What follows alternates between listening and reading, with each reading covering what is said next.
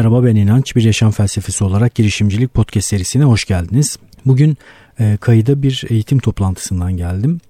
E, kurumsal eğitimler yaptığımı biliyorsunuz. E, bir tane kurumsal eğitim ihtiyaç analizi için kuruma gittiğimde e, işte mesele bireysel liderliğe geldi, stratejiye geldi e, ve ben de insanlarla eğitimde ilk paylaştığım şeylerden birisi olan kontrol odağının içsel olması meselesinden bahsettim.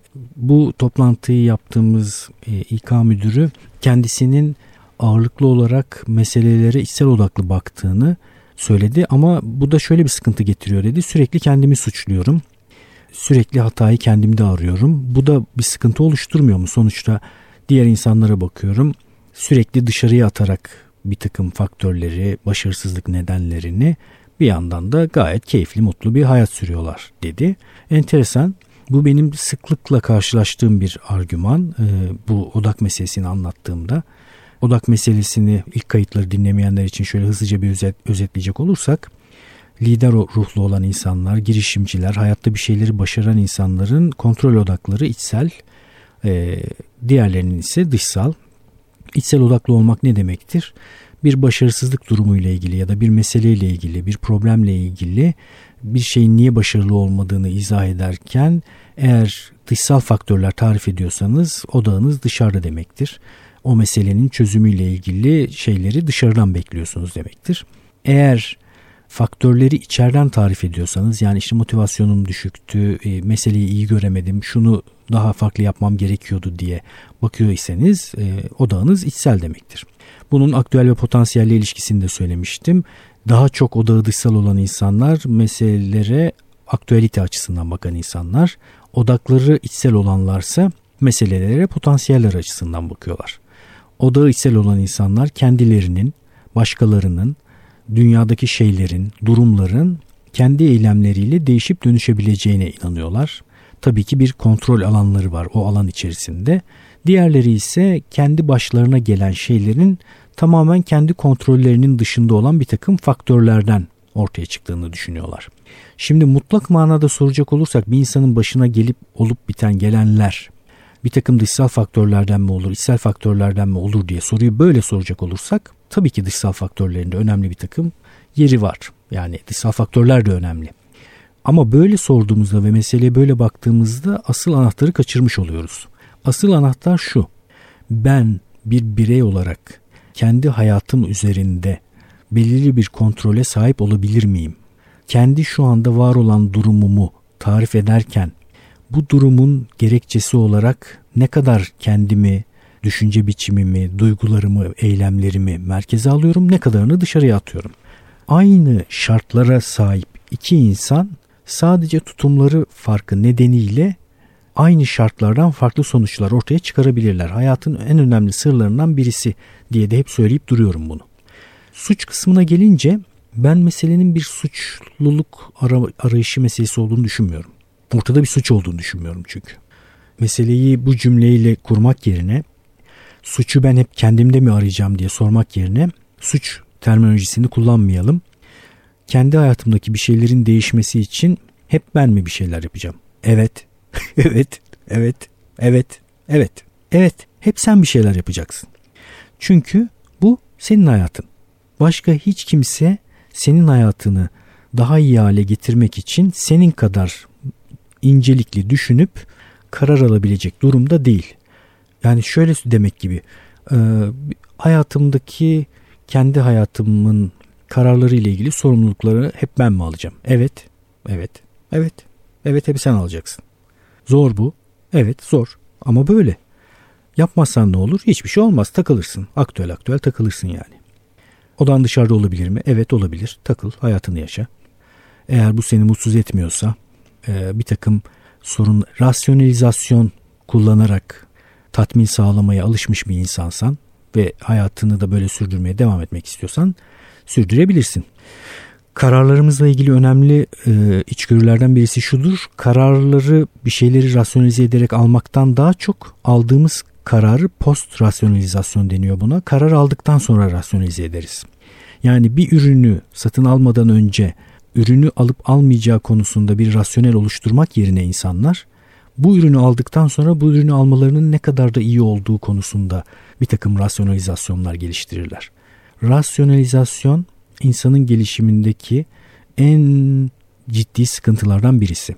Psikolojik bir süreç ve bazı durumlarda buna ihtiyacımız var. Arada bir herkes kullanabilir. Yani ben de kullanıyorum ve kullanılmalıdır da.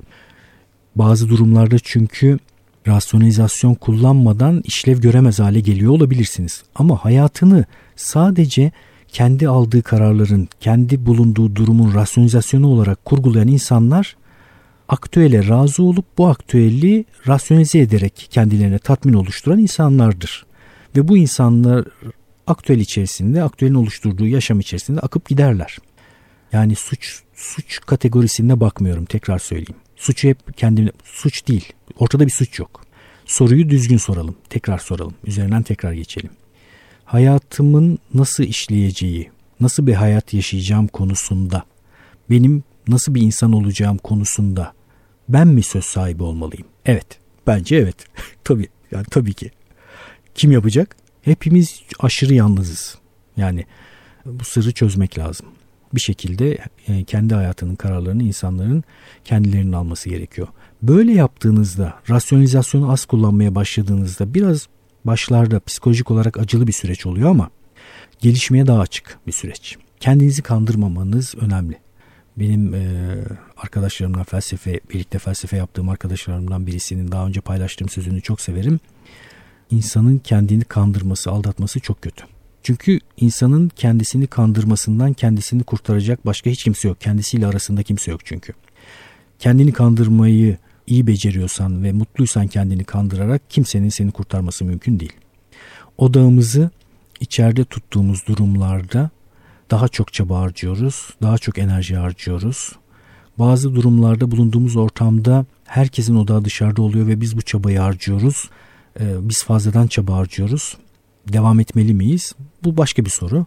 Ortamı değiştirip değiştirmemek de yine senin kararın. Yani orada devam ediyorsan orada devam etme kararını almış olan kişi sensin.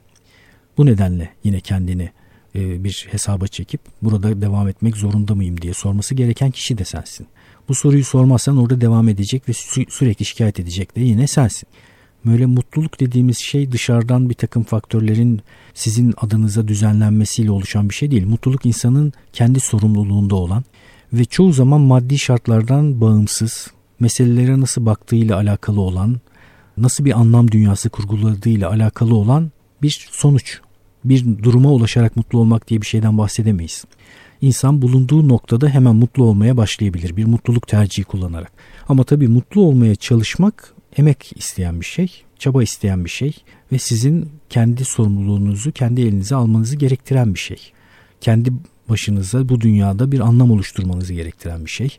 Bu anlamı oluşturduğunuzda maddi şartlarınızı çok fazla değiştirmeden de çok ciddi bir mutluluk seviyesine ulaşmanız mümkün. Çünkü mutluluk böyle bir şey. Ee, yakın dönemde size bahsettiğim Rory Sutherland'in bir yine sözü var. Böyle çok güzel hoşuma gitmişti. İnanılmaz milyon dolarlar çok ciddi paralar kazanan garajlarında aşırı lüks arabaları olan futbolcular eve gittiklerinde PlayStation oynuyorlar. 20 dolarlık bir oyun oynuyorlar demişti.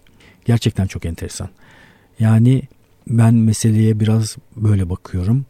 E, aktüelin dışında çıkacak gücü kendimizde bulabileceğimizi düşünüyorum.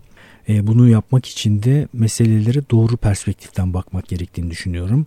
Doğru perspektiften bakmak için de odağı içeride tutarak aktüellere takılı kalmadan potansiyellere bakarak sürekli çabalayarak, çaba göstererek yol almak lazım. Mesele suç meselesi değil.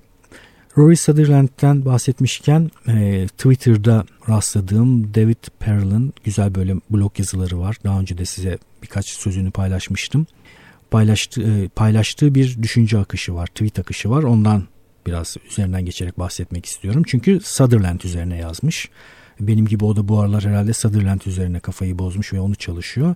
E, orada bu tweet akışında Sutherland'in çeşitli düşüncelerinden, konuşmalarından, kitaplarından bir takım şeyler derlemiş. Bir üzerinden geçmek istiyorum.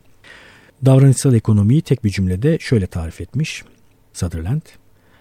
Bir kararın alındığı bağlam, ortam ve interface demiş yani arayüz. Kararımızda o kararın uzun dönem etkilerinden çok daha etkilidir demiş. Ee, karışık biraz tekrar toparlayalım. Bir karar alıyorsunuz diyelim ki bu kararın da bir takım uzun dönem etkileri var. Ve diyelim ki bu uzun dönem etkiler size açık. Biliyorsunuz yani uzun dönem etkilerini, oluşabilecek sıkıntıları. Bir de bu kararın alındığı ortamı, bağlamı ve kararın alınma arayüzünü düşünelim. Eğer bu üçlü bu kararın alınmasını kolaylaştırıyorsa ve daha konforlu bir şekilde bu kararı alabiliyorsanız uzun dönem etkileri kötü olsa bile rasyonel olan diğer kararı almak olsa bile daha kolay olan, ortamın daha uygun olduğu, bağlamın daha müsait olduğu kararı alıyorsunuz. Bununla ilgili e, daha önceki bir podcast kaydında trene kadar arabayla gidip arabayı otoparka park edip sonra trenle devam etmekle evden arabayla çıkıp iş yerine arabayla gitmek kararını konuşmuştum. Buna çok iyi bir örnek çünkü. Eğer bu karara bakacak olursak uzun dönemde evden arabayla çıkıp işe trafik içerisinde arabada kalarak gitmek maddi ve manevi açıdan daha yıpratıcı ve daha kötü. Ama bu kararı aldığım ortam eğer arabanın içerisinde keyifli bir şekilde giderken, işte müzik çalarken ise ve bu kararı almak için herhangi bir şey yapmam gerekmiyorsa zaten arabanın içindeysem, ortam buysa, bağlam buysa kararım bu oluyor. Arabayla devam ediyorum. Bu kararı değiştirmenin yolu diğer kararın daha mantıklı olduğunu açıklamak değil. İşin anahtarı burada. Davranışsal ekonominin uğraştığı şey de bu. Yani insanlar daha akıllıcı olan şeyleri yapmıyorlar. Çoğunlukla daha akıllıcı olan şeyleri yapmıyorlar. İnsanlar rasyonel varlıklar değil. Rasyo kullanabilen, zaman zaman kullanabilen, düşünebilen ama bunun dışında çok ciddi başka bir takım etkilere de açık olan varlıklar. Bu etkiler de çok enteresan bir şekilde bizim çok geçmiş tarihimize dayanan genetik kodlarımıza işlenmiş bir takım şeyler bile olabiliyor. Ee, bu kararı değiştirmek istiyorsanız eğer yola trenle devam etmenin daha akıllıcı olduğunu anlatmak yerine yola trenle devam etmek kararını alma işini daha kolay hale getirmeniz gerekiyor. Yani bu kararın alındığı bağlamı, ortamı ve arayüzü değiştirmeniz gerekiyor. Bunu nasıl yapacaksınız? Bu kararı bir kere kişiye arabasında seyahat ederken aldırmayacaksınız. Sutherland'in dediği gibi daha önce aldıracaksınız. Çünkü daha önce bu kararı alırken ben beni çeldirecek olan bu arabanın sıcak ortamı, içerideki güzel müzik, işte otoparka inip park arama telaşı falan gibi şeylerin olmaması gibi bir takım kolaylaştırıcıları yanıma koymamış oluyorsunuz. Ben karara rasyonel bakabiliyorum. Yani benim için arabayı park edip trenle gitmek daha kolay ve bir de buradaki sürtünmeler giderilmiş olursa, otopark garantim olursa, biletimi önceden alabilirsem insan davranışını daha iyi anlamış biri olarak bana bu kararı aldırabiliyorsunuz. Daha rasyonel olduğu için değil, sadece karar alma matematiği açısından artık ikisi birbiriyle karşılaştırılabilir hale geldiği için. Üzerinde böyle günlerce düşünmeye değer e, içgörülerin olduğu çok güzel, önemli bir nokta olduğunu düşünüyorum bunu. Devam edelim. Bir sonraki tweet. Klasik ekonomik teorisi insan davranışını çözmüş değildir diyor. Mesela diyor plasebolar gerektiği değeri görmüyor bence. Çünkü dört tane madde vermiş. Aşırı ucuzlar. Gerçekten etkililer. Plasebo nedir bu arada bilmeyenler için? Plasebo şu demek. E, doktorlar bazı durumlarda içinde hiçbir şey olmayan bir takım ilaçlar verdiklerinde plasebo ilaç, ilaç deniyor buna alan kişi, ilacı alan kişi kendisine faydalı olduğunu düşündüğü için faydasını görüyor. Çok enteresan. Hiçbir şey yok içerisinde, hiçbir etken madde yok, hiçbir etkisi yok objektif olarak ama kullanan kişi bunun faydalı olacağını düşündüğü için faydalı oluyor. Örnek verelim sunumla ilgili çok ciddi kaygılar yaşıyorsunuz. İnsanların karşısında sunum yapmakta zorluk çekiyorsunuz diyelim. Birisi size dedi ki bu ilacı al senin kaygını yatıştıracak çok daha sakin ve soğukkanlı sunuma başlayacaksın. Çok etkili bir ilaçtır dedi verdi içtiniz. Bütün bu etkileri birebir görebilirsiniz. Çünkü insan sadece kimyasal bir takım süreçlerin toplamı değil. Bizim meselelere nasıl baktığımız, nasıl çerçevelediğimiz de bizim kimyamızı değiştirebiliyor. Onun için çok güçlü insan düşüncesi, insan tutumu, meseleleri nasıl algıladığı, yeniden çerçeveleme bunun için çok önemli. Çocuk eğitiminde yeniden çerçeveleme kendim için kullanıyorum. Size de önerip duruyorum. Yani çocuğa sabretmek için meseleyi yeniden çerçevelemeniz lazım. Bu çocuk saklambaç oynadığımızda perdenin altından palamut gibi ayakları ortaya çıkmış saklanan Ediz diyorum saklandın mı saklandım diye bağırıyor. Ayaklar ortada zaten böyle. Buluyorum çok seviniyor gülüyor. Hadi bir daha oynayalım diyorum. Hadi bir daha saklan. Gidiyorum o olduğu yerden hiç kıpırdamıyor. Hadi Edis hazır mısın saklanıyor musun? Saklanıyorum. Saklandın mı? Saklandım. Ben de tekrar onu bulmaya çalışıyorum tabii ki. Şöyle bir söz vardır hani uyuma numarası yapan birisini uyandıramazsınız diye bir söz vardır ya. Bununla alakası var mı tabii şimdi olduğunu bilmiyorum da neyse ona biraz benzettim. Yani saklandığını düşünen, sizinle saklanmadığı halde saklanmaç oynayan birisiyle saklambaç oynamak da bayağı zor bir iş. Bayağı bir rol gerektiriyor. İşte çocuğu böyle bir çocuk olarak görünce yani çocuğunuz sizinle böyle saklanmaç oynadığı sürece ona sabretmek zorundasınız. Çünkü çok çok naif, çok sevimli ve böyle aslında. Yani dışarı çıkarken oyalanıyor ve dışarı çıkmamaya çalışıyor. Siz de rasyonel olarak izah etmeye çalışıyorsunuz. İşte çıkmamız lazım, acelemiz var. Unutun bunları. Çünkü o çocuk öyle saklambaç oynuyor. Onun için de sizin hızlıca dışarıya çıkmanız gerektiğini anlamasını ondan beklemeyin. Bir de sizin onun gelişimine faydanız olmanız gerekiyor. Bütün bu çerçevelemeleri kullandığımızda işte meseleye farklı türlü bakmaya başlıyoruz. Başka türlü bakıyoruz. Ve o şeyleri keyifle yapabilir hale geliyoruz. Ee, birinci madde plasebolar aşırı ucuz demiştik. İkincisi gerçekten çok etkilidir. İşe yaradıkları ispat edilmiştir. Üçüncü madde.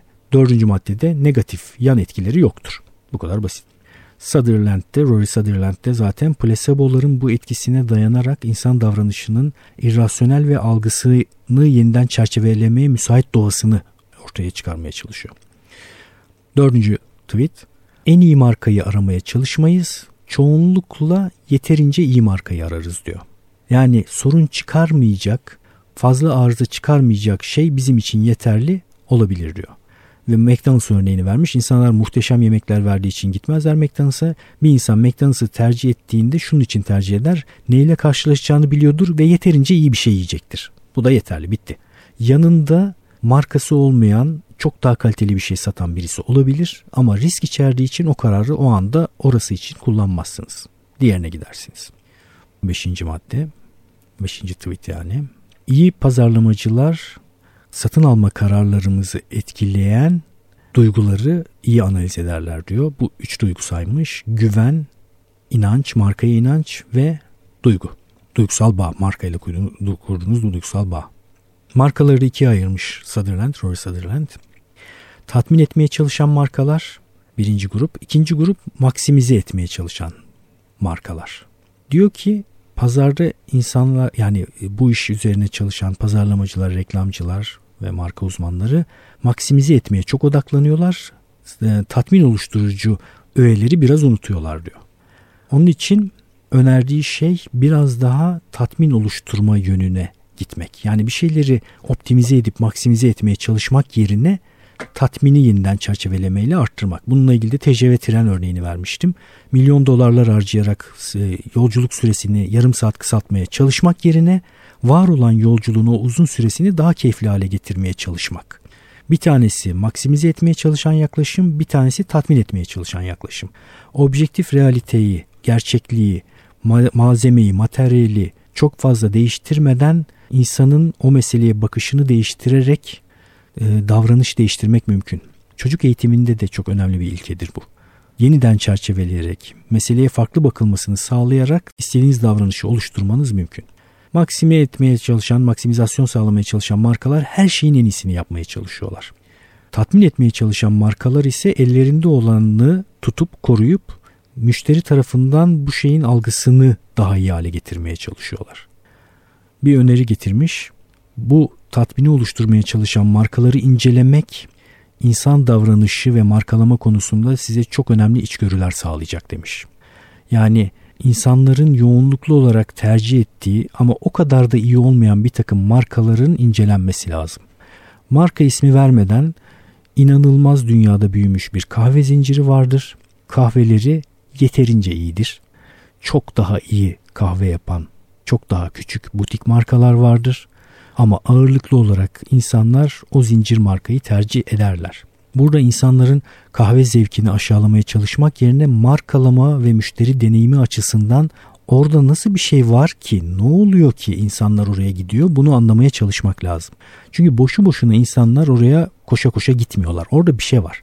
Eğer orada ne olduğunu çözersen sen de kendi markan ve hizmetin açısından benzer bir şeyi sağlayabilirsin. Daha önce size anlatmıştım. Ben mesela başka, başka bir yerde bir kahve içmeye çalışırken girişte bodyguard gibi durmuş iki tane garsonun bulunduğu bir mekan vardı. İçerisi de bomboştu. Yani insanlar sundukları hizmet açısından kendilerini yok etmeye çalışırken, görünmez hale gelmeye çalışırken iyi hizmeti oradan anlarsınız. Kötüleştiğinde niye kötüleşti diye düşünürsünüz ama işler yolundayken kimseyi fark etmezsiniz.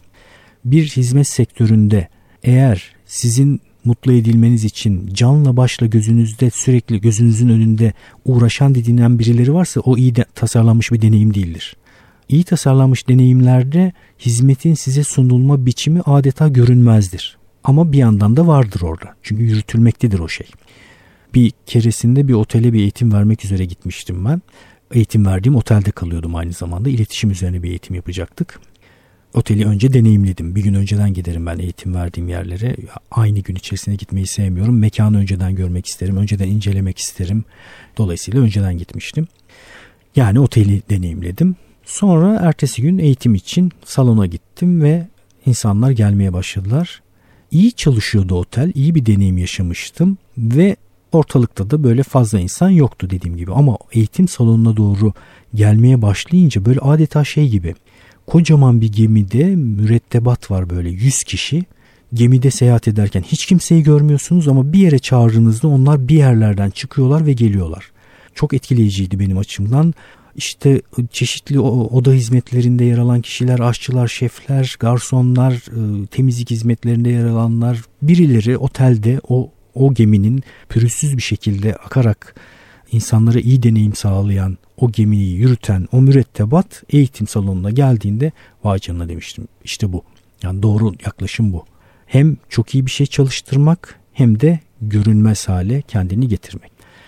Markalar da dolayısıyla insanların bu akın akın gittiği ama ürünü iyi tanıyan açısından çok daha iyilerinin bulunabildiği deneyim türlerine bakıp kendileri açısından dersler çıkarabilirler diye düşünüyorum. Herkes bunu yapabilir. Eğitimciler de yapabilir. Yani eğitimcisiniz, ders veriyorsunuz. Ne var burada? İnsanlar buraya niye geliyor? Baktığınızda çoğunlukla insanların oraya niye gittiğinin cevabı rasyonel olan şeyler olmayacaktır. Ürün veya hizmetin içsel değeriyle ilgili şeyler olmayacaktır. İnsanlara sezgisel seviyede hizmet eden, onların kararlarını etkileyen başka böyle derindeki bir takım şeyler olacaktır. Onları bulduğunuzda da kendi marka ve hizmetinizi çok daha iyi hale getirmeniz ve insanlara çok daha fazla sayıda ulaştırmanız mümkün olacaktır. Evet benim için yine çok keyifli bir kayıt oldu. Umarım sizler için de öyle olmuştur. Her podcast'in sonunda söylediğim şeyleri bu sefer söylemeyeceğim. bir, bir önceki podcast'ten dinleyebilirsiniz. Ya da bir sonraki podcast'te bu podcast'in sonunda böyle pat diye bitirelim.